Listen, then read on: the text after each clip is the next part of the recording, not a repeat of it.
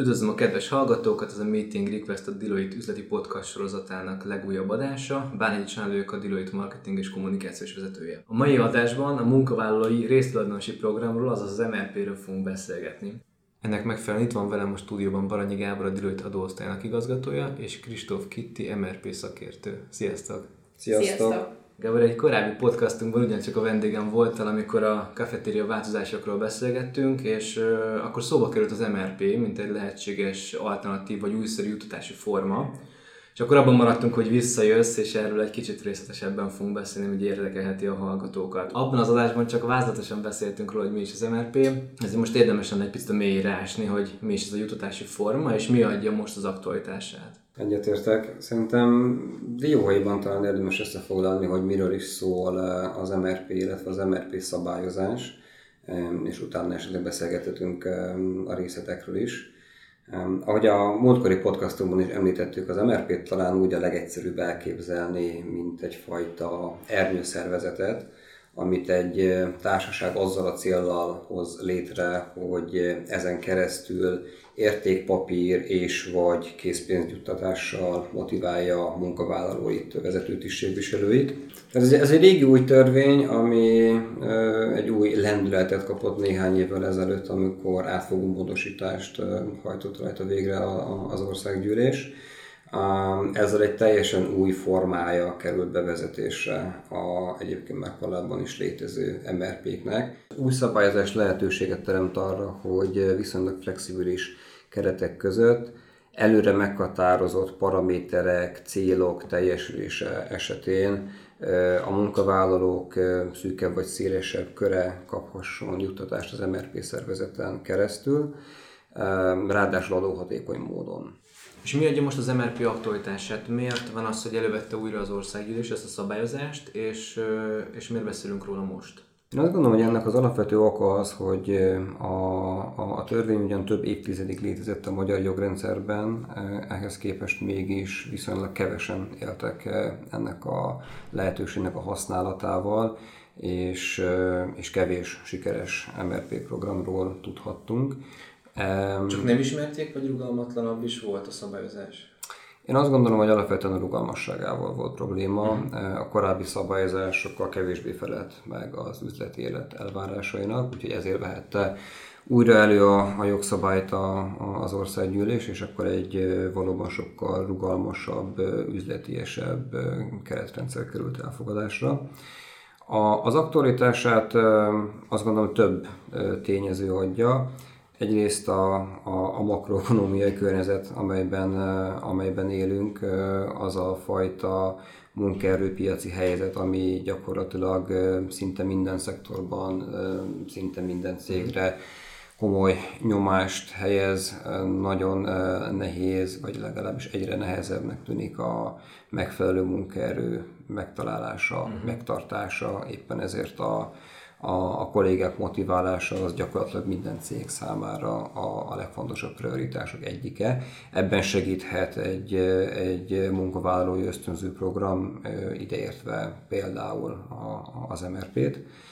A másik aktualitását pedig az adja, hogy ahogy te is említetted, néhány héttel, hónappal ezelőtt az országgyűlés ismét hozzányúlt ehhez a, ehhez a jogszabályhoz úgyhogy egy picit megváltozott keretrendszerben dolgozva lehet ismét gondolkodni azon, hogy valaki MRP szervezetet alapítson. Hagy egészítsem ki Gábor gondolatmenetét azzal, hogy amit látunk tőlünk nyugatabbra, az abszolút bevett szokás, hogy valamilyen részvényprogramon keresztül próbálják a munkavállalókat tulajdonosként is bevonni, vagy egy tulajdonosi szemléletet belevinni a szervezetrendszerbe, hogy, hogy ementé motiválják őket.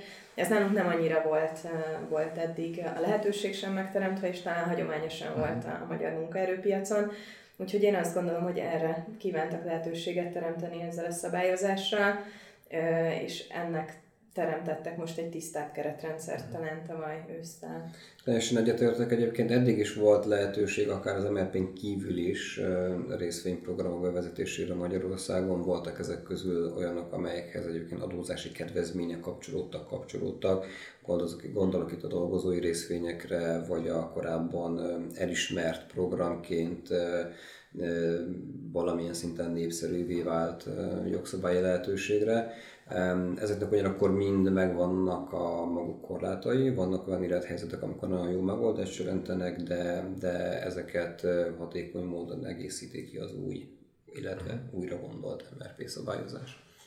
És akkor menjünk egy kicsit bele, hogy pontosan hogy néz ki az MRP, milyen a bevezetésnek milyen peremfeltételei vannak, mik azok a cégek, amik a leginkább relevánsak MRP szempontból? Az MRP struktúrának egy sajátossága, hogy a részvényjuttatás nem közvetlenül a munkavállalók felé történik, hanem az alapító társaság egy külön MRP szervezetet hoz létre. Ez egy jogi személy, amelynek egyetlen célja az, hogy kezelje azokat az értékpapírokat, amelyek adott esetben a munkavállalók tulajdonába kerülnek. De érdemes hangsúlyozni egyébként, hogy a munkavállalói résztulajdonosi program annyiban egy picit talán megtévesztő elnevezés, hogy a jogszabály lehetőséget ad arra, hogy a, a munkavállalók ne magukat az értékpapírokat kapják meg, hanem ezeknek, a, ezeknek az értékét készpénzben.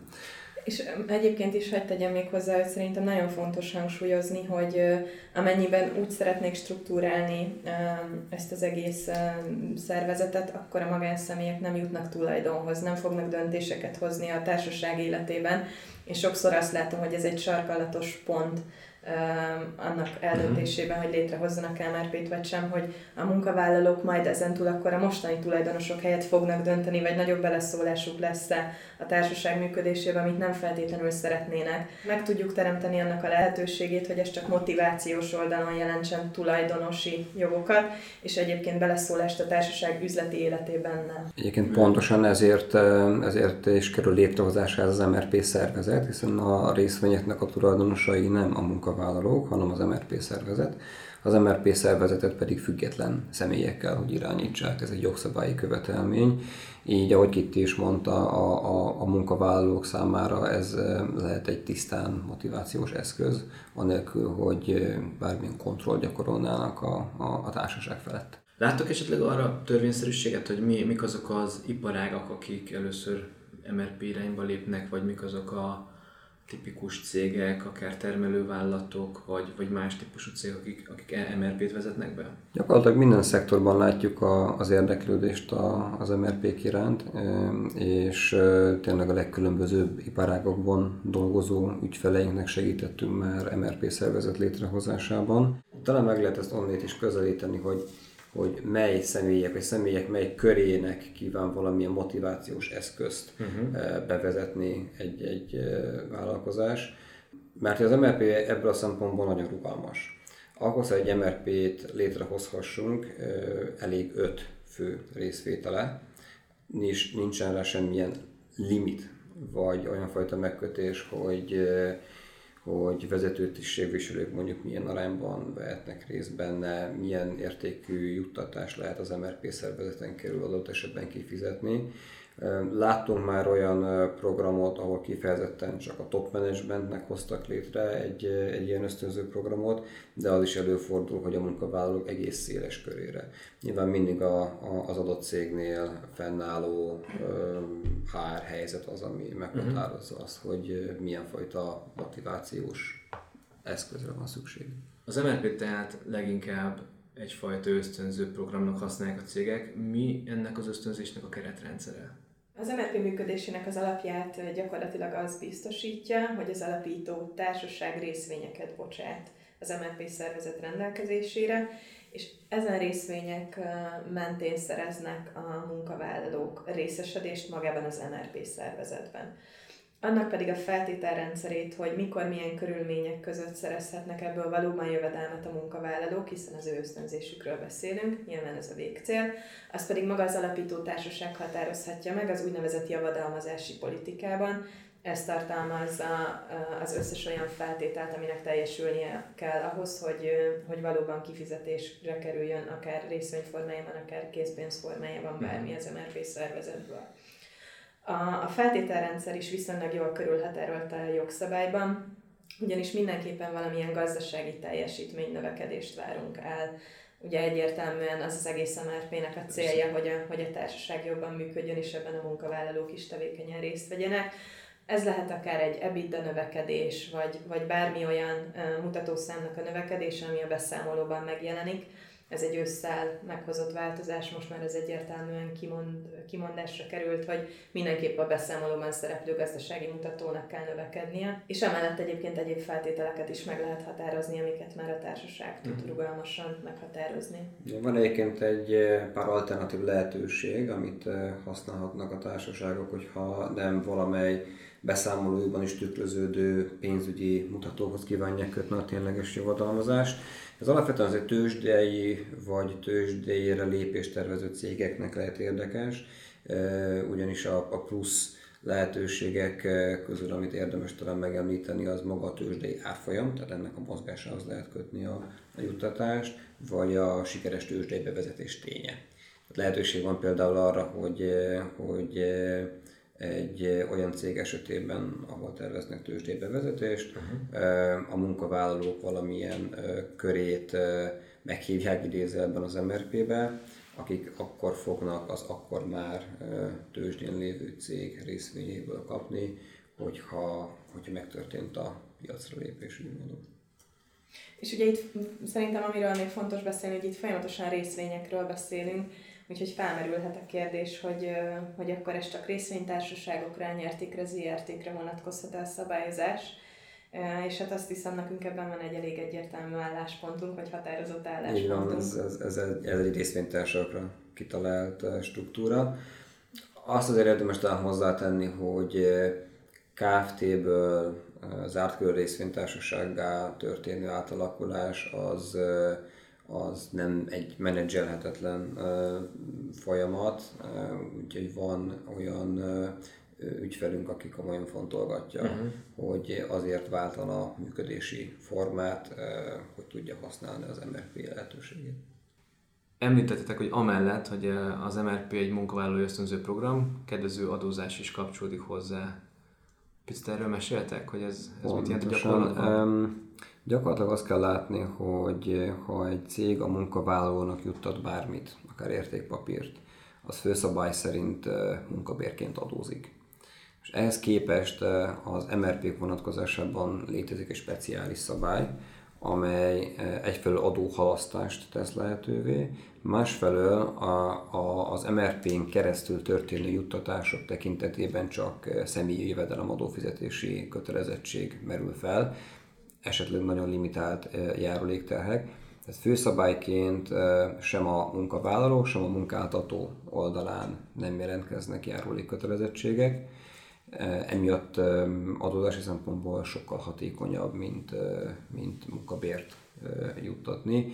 Nyilván itt az lehet a, a, a jogalkotói cél, hogy ez nem is feltétlenül a munkavégzésnek az ellenértéke, ez egy motivációs eszköz, és a, a, azt a célt, hogy a munkavállalóknak egyfajta tulajdonosi szemléletük legyen a cég tekintetében, ahol, ahol dolgoznak.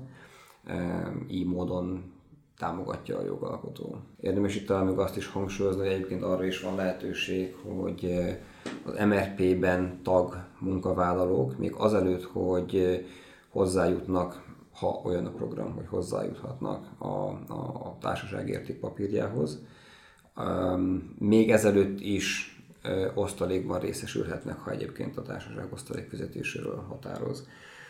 Tehát lehetséges van egy sok éves program során arra, hogy még a, a program vége előtt kapjanak juttatást az MRP szervezeten keresztül a munkavállalók, és amennyiben ez így történik, ennek, a, ennek az osztalékfizetésnek is ugyanilyen kedvező adózása van. Ez azért is lehet talán érdekes, mert ismét egy őszi változásra hivatkoznék. Most már az, az is egyértelművé vált, hogy ezeknek a programoknak legalább egy két éves élettartamban működniük kell. Tehát a társaság által az MRP-be behelyezett részvényeket legalább két évig tartania kell, úgyhogy gyakorlatilag kifizetés csak ezután történhet. Úgyhogy ha valaki rövidebb távon is szeretne valamiféle ösztönzést biztosítani a munkavállalóinak, az akár ezen az osztalékfizetésen keresztül is megteheti azt hiszem az látszik, hogy tényleg egy nagyon rugalmas programról van szó, amit a cégek magukra tudnak szabni. Hogy néz ki egy ilyen programnak a bevezetése ebben az esetben? Mi a folyamat, amin végig kell menni? Mi az MRP alapítást mindig egy, egy komplex folyamatként kezeljük, ahol a, a megvalósíthatóság felmérésétől, a, a konkrét program beindításáig végig fogjuk ügyfeleink kezét, de ez mindig azzal indul, hogy először felmérjük, hogy az a, az, az igény, az a motivációs cél, amit egy adott társaság szeretne, ennek a megvalósítására az MRP alkalmas-e, és valóban ez a leghatékonyabb eszköz, vagy sem. Úgyhogy a, a folyamat azzal indul, hogy tipikusan egy, egy interaktív workshop jellegű megbeszélés keretében tisztázzuk, hogy mik ezek a célok, igények, és megvizsgáljuk, hogy a, a MRP keretrendszer ennek mennyiben felel meg. Hogyha ha a válasz az, az pozitív, akkor el lehet indulni a, a megvalósítás irányába. Ennek, ennek is több lépése van természetesen, van egy, egy jogi, illetve adminisztratív része, hiszen létre kell hozni magát ezt az MRP szervezetet, ami kicsit talán egy cégalapításhoz hasonló formalizált eljárás, de a legfontosabb eleme ennek mégis csak az úgynevezett javadalmazási politika összerakása, hiszen ez az a szabályzat, amiben rögzítésre kerül, hogy kik, milyen feltételekkel, mikor, milyen juttatásban részesülhetnek. Ez, amit nagyon alaposan érdemes körbejárni, e, és amellett, hogy természetesen mind jogi, mind adózási szempontból e, kritikus, hogy ez egy megfelelően összerakott dokumentum legyen. Mindenképpen célszerű ebbe a HR megfontolásokat is figyelembe venni, úgyhogy ilyen esetben, adott esetben a HR tanácsadó kollégáink bevonásával dolgozunk együtt. Én azt gondolom, hogy hát ez a tapasztalat az eddigi projektjeink alapján, hogy itt egy nagyon szoros együttműködés alakul ki az ügyfelekkel, HR, pénzügyi területtel, nyilván a top managementtel együtt alakítjuk ki tulajdonképpen az egész javadalmazási politikát, illetve az egész MRP szervezet struktúráját, hogy tényleg mindenben az ő igényeiknek feleljen meg. Tudom, hogy nem szeretek jóslatokba bocsátkozni, de mégis az idei évben mit vártok a, a, az MRP-től, az MRP bevezetésektől? Hogy megfigyelhető-e már esetleg valamilyen trend? Hát a kafetéria rendszer megnyírbálása azt gondolom, hogy egy picit erősített, és erősített most a szélen, ami az MRP hajó vitorlájába fúj. Úgyhogy, úgyhogy talán lesz egy pici elmozdulás. Azt látjuk, hogy a vállalatok keresik, a, keresik az egyéb alternatív ösztönző rendszereket amivel, amivel tudják motiválni, megtartani, megszerezni a munkavállalókat. Egyetértek Kittivel, ahogy említettük, az MRP nem az egyetlen munkavállalói ösztönző lehetőség. Azt tapasztaljuk, hogy fokozott érdeklődés mutatkozik gyakorlatilag minden alternatíva iránt, ami alkalmas lehet arra, hogy a, a munkavállalók elkötelezettségét, motivációját erősítse. Vannak cégek, akik azon gondolkodnak, hogy valamilyen egyesületet hozzanak létre, ami segíteni a munkavállalók jólétét, érdekeinek védelmét. Vannak olyan társágok, ahol már létező globális részvényprogramok Magyarországi bevezetésén gondolkodnak, de tény, hogy sokak számára talán az MRP nyújthat megoldást ebben a munkerőpiaci helyzetben. Azt gondolom, ez tökéletes végszó. Köszönöm szépen az időtöket, és hogy beszélgettünk az MRP-ről. Kedves hallgatóknak is köszönöm a figyelmet, hamarosan egy újabb meeting request adással érkezünk. Köszönjük szépen! Köszönjük szépen! Sziasztok! Sziasztok!